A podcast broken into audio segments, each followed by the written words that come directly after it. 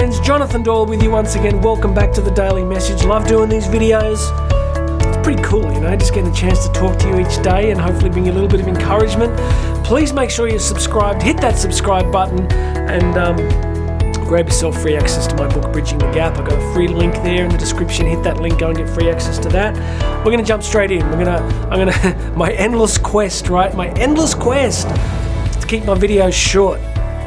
Let's get excited. I just want to give you all the best stuff I can give you, right? So let's jump in. Today we're going to talk about something that many of us may have forgotten to do.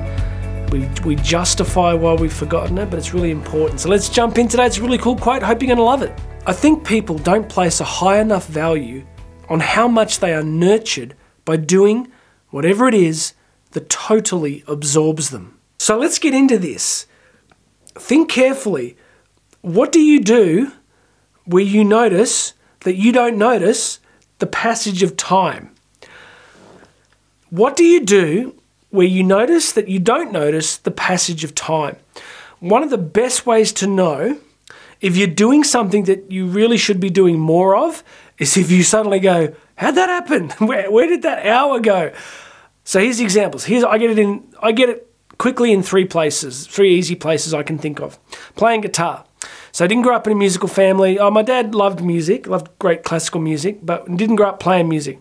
Taught myself to play really good guitar. Started teaching myself. Maybe I would have been about, I don't know, maybe early twenties. Got pretty good for a while, and uh, got beautiful guitar. Sometimes when I really get going, you just just time vanishes. I just kind of like I could just go and go and go and go and go. Surfing.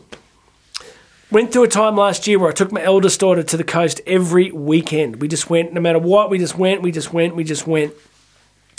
And you put myself out there, especially in big surf. Part of it's because you think you might die at any second, but it's like, it's just so absorbing. It's the sky, it's the smell of the water, it's the cold, it's the waves.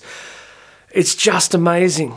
And the other one is kind of doing this doing these videos, being on stage, big events and conferences, time vanishes. Totally absorbed, just in the space, loving every second of it, trying to connect with people, trying to bring that energy to encourage people. So that's three for me, right? Sometimes when I cook, I love cooking. What is it for you? What is it that you do that when you do it, you lose track of time. Simplest way to test it. Because a fully human life needs this kind of stuff. Now, it could be career related, it could be something that you do. You look at some of the great musicians, some of the great singers, you know, who just get lost and can just go forever. Beautiful gift. So, I just want a simple message today there might be something that you've stopped doing that might be worth starting again. For me, it's guitar. Like I got that this crazy life, busyness, kids, you know. But you just got to do it. You just got to break through the threshold and go. No, this matters. I got to start again. I got to get back into this. I got to get back into this. We were down at a friend's house on, at the coast a while ago, and. Uh, it was really cool because my friend has this unique gift. He is the master of the playlist. He just puts together these ridiculous Spotify playlists. You know the ones where you had a few drinks, you're all sitting around with your good friends, big fire, and you're like, oh, this is the greatest song ever. This is the greatest song ever. Like, how do you keep putting the greatest song together over and over again?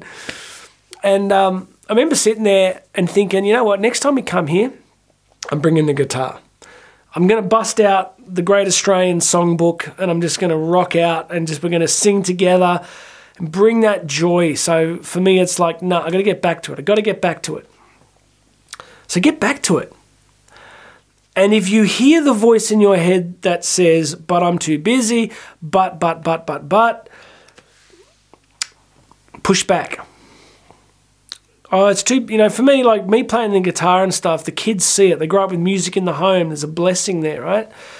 So don't think you're being selfish because sometimes if you can reconnect to that thing where time stands still, you're going to release other people. You're going to bless other people in doing whatever it is.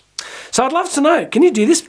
If you're listening to this video or on the podcast, come across to YouTube and just put in the comments. Like, I'd be fascinated, I'd be genuinely interested to know what is it that you do where you just lose track of time and you're totally absorbed.